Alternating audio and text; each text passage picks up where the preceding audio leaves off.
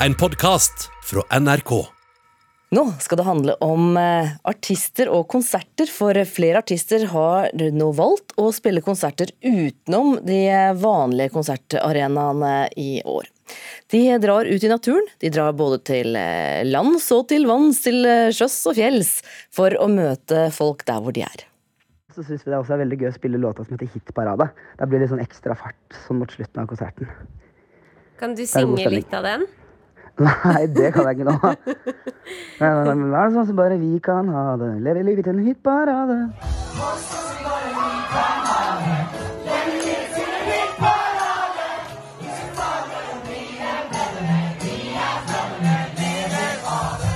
Vidar Villa er en av flere artister som holder sommerkonsertene sine på utradisjonelt vis. Han har kjøpt seg en båt og reist til sjøs. Først og fremst nå så er det bare så sjukt gøy å få lov til å være ute og spille for litt folk igjen. Eh, Men det beste med liksom, å gjøre det på den måten her, er jo litt sånn at det er um, Det blir litt mer enn bare en konsert. da. Det blir en mer totalopplevelse hvor, eh, som er litt unik. Hvor du kommer liksom på en båt og har konsert der og liksom Man merker på, også på folk at de syns at det er, liksom, det er noe mer enn å bare komme og høre noen spille. Det er liksom mer en totalopplevelse, da. Artistene har oppsøkt det vidstrakte land på ulike måter. Daniel Kvammen har tatt turen opp til Norges høyeste fjell. Jeg har veldig lyst til at alle som hører på meg, skal føle at de er med på noe spesielt. Anledninga er rett og slett at jeg har sluppet en låt som heter 'Den tyngste turen'. Tenk om alt går bra Så jeg bruker ganske mye tid på å tenke ut tanker om hvordan jeg kan dele fine opplevelser med mitt publikum. Og um, jeg tror jo liksom det det handler om til sjuende og sist, da, at en har lyst til å gjøre noe spesielt. En har vært på Rockefeller, liksom. Det er fett å være på Rockefeller. Men det er fetere å være på Galdhøpiggen. Det er ingen tvil om. Konseptet blir stadig viktigere for artister, mener musikkviter Audun Molde. En totalopplevelse vil antagelig huskes bedre, og dermed være god markedsføring for artisten. Fordi at uh, Musikkopplevelse handler jo ikke bare om artisten som står på scenen, men det er jo rammen rundt. Sant? og Det er hele konteksten og stedet vi opplever musikken. Så hvis du kan ta den der eh, festivalopplevelsen inn også når det ikke er festival, og så blir det jo en historie. sant? Vi snakker om det nå, og du får en fortelling. Husker du at Daniel Kvammen spilte på Galdhøpiggen? Du lager en fortelling som folk husker. Mens Daniel Kvammen har spilt konsert på Galdhøpiggen, har Moddi gått pilegrimsruten fra Oslo til Trondheim, nærmest uten telefon.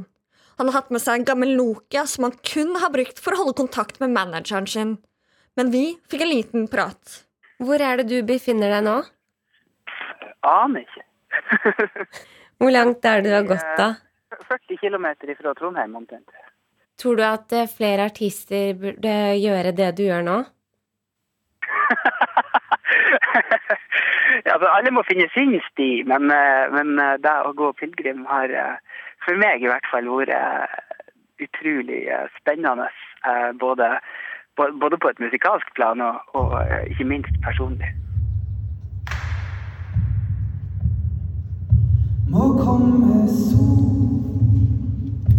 Altså det å lage gode konsepter, lage en god ramme, selge inn en totalopplevelse, det er kjempeviktig. Det holder ikke bare med fine låter og en god stemme, men eh, artister selger jo opplevelser. Det gjør de. Reporter her, det var Aida Korami, Jonathan Nilsen og Hedder Ørbekk Eliassen. Om noen minutter da skal det handle om en eh, annen artist, en av verdens største stjerner, som slipper album. Og da blir det altså mye ståhei. Billie Eilish' nye plate 'Happier Than Ever' har skapt mye debatt på internett. NRKs musikkanmelder Espen Borge kommer til oss for å trille terning. Det er om noen minutter, altså. Nå, aller først, så skal det handle om eh, film. For actionthrilleren I onde dager med Aksel Hennie og Numi, Nomi Rapaz har akkurat hatt premiere.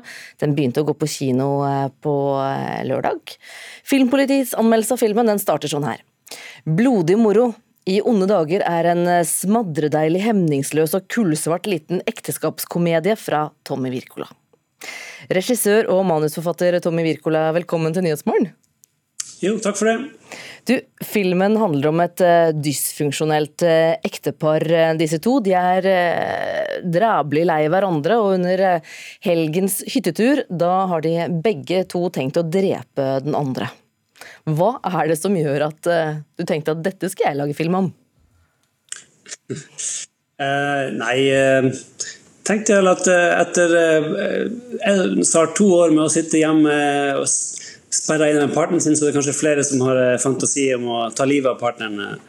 Nei, det var, det var, faktisk ikke det. Det var, det var, så enkelt som at det var en liten idé jeg hadde for noen år siden. Eh, konseptet med at en hyttetur som går veldig galt, basert på at partnerne har planlagt å drepe hverandre. Og så, når jeg da begynte å skrive dem i mine to manusforfatterkompiser, så bygde det på seg, og det er egentlig bare starten av filmen. Det der er bare de første 15-20 før den tar virkelig av. da.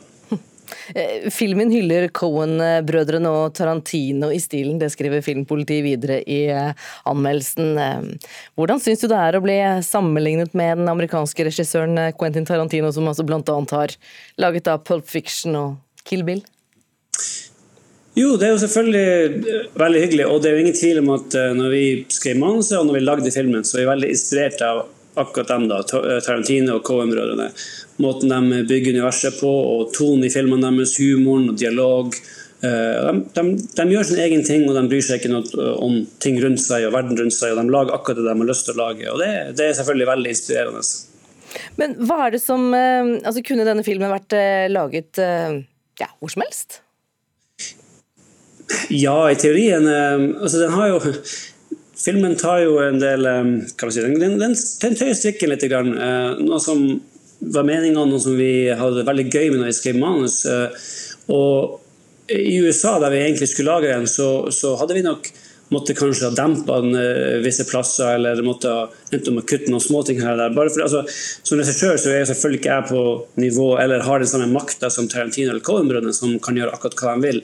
Men uh, så det, det, det, er mulig at den hadde blitt en litt mer dempa versjon hvis vi hadde laga den i USA. Fordi at den uh, den sparker alle veier, og den holder ikke, holder ikke igjen da. Ja, på det, hvilken måte da? Det er jo ikke alle som har rukket å gå på kino og se filmen ennå. Nei, det, det, er mer i humor, selvfølgelig humor og også eh, actiondel, men også med tanke på karakterene og hva de gjør og hva de sier. Eh, det, er, det, er, en del drøye karakterer med i den filmen, uh, men igjen, det de sier og det de gjør, er basert på hvem de er og hva de ville gjort hvis de hadde en situasjon, så vi, vi føler ikke at det er drøyt.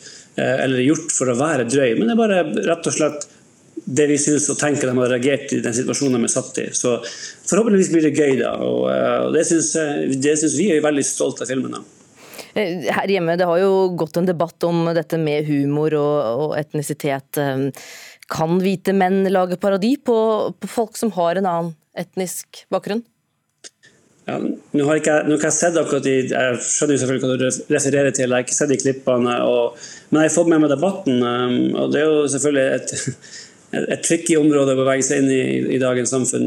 Naturlig nok. Um, og, uh, så det, det, det, akkurat den delen er veldig vanskelig. Og, men Tenker du mye på den type ting når du lager film? Nei, uh, ja, nei, jeg, har ikke gjort det. Jeg så, I Norge så er man såpass heldig enda man får lov å gjøre hva man vil og blir stolt på som forfatter og som regissør. Um, og igjen, det er mulig at noen syns filmene våre er drøy, men alt, alt i filmene våre kan forsvares uh, basert på Det er ikke noe vi gjør for å være drøy, men det, gjør, det, det er der fordi det, det er karakterene ville gjort og sagt i de situasjonene. Og Det er basert på karaktervalg, så da er det, da er det ikke drøyt per se. da. Takk skal du ha, Tommy Wirkola, regissør og manusforfatter.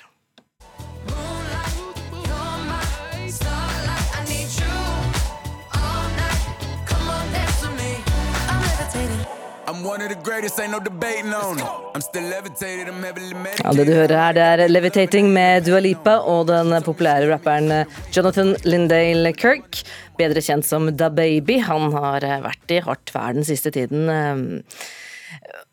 Reporter Anita Kristiansen, eh, fortell om det. Den 29 år gamle amerikanske artisten Da Baby han fikk ikke lov til å opptre på Lollapalooza, som er en årlig musikkfestival i Chicago i USA. Hvorfor ikke det? Nei, det hele startet på musikkfestivalen Rolling Loud eh, i Florida på tirsdag.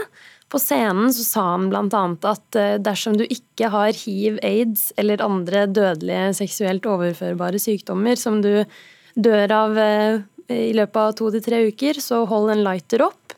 Det ble tolket som en homofobisk kommentar, og det fikk sterke reaksjoner. Ja, og det Hvordan har det blitt møtt?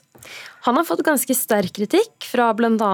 Dua Lipa, som synger med Da Baby på Levitating, som vi hørte nå nettopp. Og Elton John har også uttalt seg om saken. Han mener at det fremmer stigma og diskriminering av folk som har hiv og aids. Ja, Nå blir han altså fjernet fra, fra festivalen. Ja. Eh, Lollapalooza skrev på sin Twitter at festivalen er laget på bakgrunn av mangfold, respekt, inkludering og kjærlighet, og derfor vil ikke Da Baby opptre. Eller derfor opptrer han ikke på eh, festivalen. Det skriver de på Twitter. Og I tillegg så har han også mistet en sponsoravtale med klesmerket Boohoo Man. Dette har jo da åpenbart eh, store konsekvenser for han. Hva sier Da Baby til alt dette? Han har unnskyldt eh, det han selv kaller ufølsomme uttalelser i en eh, tweet. Og han skriver at det ikke var intensjonen å fornærme noen, og at alle som er påvirket av eh, hiv eller aids, de har rett til å føle seg opprørt. Og han skrev også i en annen tweet at det hele har rett og slett blitt tolket feil. Takk skal du ha, Anita Kristiansen, for at du orienterte oss. Da skal det handle om en eh, annen artist, en superstjerne faktisk, eh, Billie Eilish. Hun eh, slapp på fredag sin nye plate 'Happier Than Ever'. NRKs musikkanmelder Espen Borge. Dette har vært ja, hva skal vi si, en litt turbulent opptak til denne plata? Ja, det har det vært. Hun, jo, altså, hun har jo vært kanskje det største stjerneskuddet vi har sett noensinne. Altså, I hvert fall på mange mange år. Hun har altså, en helt eventyrlig start på karrieren sin, så det er klart det er ganske mye forventninger. Jeg blir det jo. Men um, hun har jo sluppet noen singler i forbindelse med denne plata, her, og det har jo vært uh, Altså, uh, haterne har jo gått bananas. De har tatt til TikTok i all hovedsak for å fortelle at dette er noe av det verste de har hørt. Og det er flopp-perioden til Billie Eilish er nå godt i gang. Um, og det, altså, Jeg mistenker det er bare noen som prøver å bygge et eller annet narrativ her som ikke fins. Enten så er jeg på viddene, eller så er haterne på viddene. fordi jeg syns dette er kanskje en av årets beste plater så langt. Det er i hvert fall ikke en eh, flopp. Men Hva er det som gjør eh, denne plata så bra, da? Jeg synes, altså, Billie Eilish er veldig god. Altså, hun har noe å melde. Hun har noe viktig å si. Og det i seg selv er jo ikke egentlig et altså er, Man kan jo si hva som helst om det, men um, hennes måte, konkurrenter i samtid, samtiden hennes er jo altså De er bygget på en litt annen måte. De er veldig sånn pop-fabrikkert, liksom de har, det er mye sånn work, work, work, work, work. Det er ikke så mye tekst. Altså, det er ikke så mye håndverk i teksten. Og det er Bill Ayers veldig god på. Så har hun et helt sånn unikt uttrykk. Altså soveromspop, som de kaller det. Hun har liksom laget et helt sånn med, veldig sånn dempa, rolig uttrykk. Og underprodusert. helt sånn, Hun stoler veldig på det hun har i tekstene sine. Det syns jeg er helt fantastisk. Så hun er jo en, altså, veldig lite poppete. Meget gode melodier. Behagelig, dempet, selvsikkert uttrykk. Ja, men jeg forstår deg sånn at uh, Du syns ikke det er noe galt med kvaliteten Nei. hennes? i hvert fall. Nei, det jeg ikke. Men hva er det da som skaper kontroversene rundt uh, Billie Eilish? Jeg tror Én tror jeg dessverre at det er fordi hun er en ung kvinne. Det tror jeg har ganske mye å si. Har, hvis man skal sammenligne henne med en annen som har hatt en lignende karrierevei, da, Justin Bieber, så altså, Han blir også granska ganske nøye og dømt på ganske mange ting, men han blir bedømt på helt andre ting. Hun blir bedømt på vekt, utseende, altså hva hun har på seg hele tiden. altså Folk mener jo noe om henne som de ikke mener om hennes mannlige kolleger. Da. Og Det er også noe hun snakker om på denne plata her, på en uh, låt som heter 'Not My Responsibility'. Hvor, altså Hvordan kvinner blir bedømt annerledes i popmusikken. Og det tror jeg har noe å si for kontroversene rundt uh, hele personen hennes. Og så tror jeg selvfølgelig også at det er uh, Hun er jo en verdensstjerne, en superstjerne, så folk vil jo gjerne mene så mye som mulig om henne. Men uh, kvaliteten er det ingenting å være med. Hun er jo, altså, folk, man må ha skyhøye forventninger til henne, og de syns jeg hun innfrir. Jeg forstår det jo eh, helt tydelig sånn at eh, du ikke er enig med dem som, som, tenker, som mener at dette er en flopp. Vi burde jo selvfølgelig hørt litt fra plata hennes, det får jeg ikke bydd på akkurat nå. Men Trill terning, da. Hva blir terningkastet på dette? Jeg syns dette er en plate som er uh, bortimot uh, fullkommen for hva det man forventer av Billie Eilish. Så det er helt klart en sekser.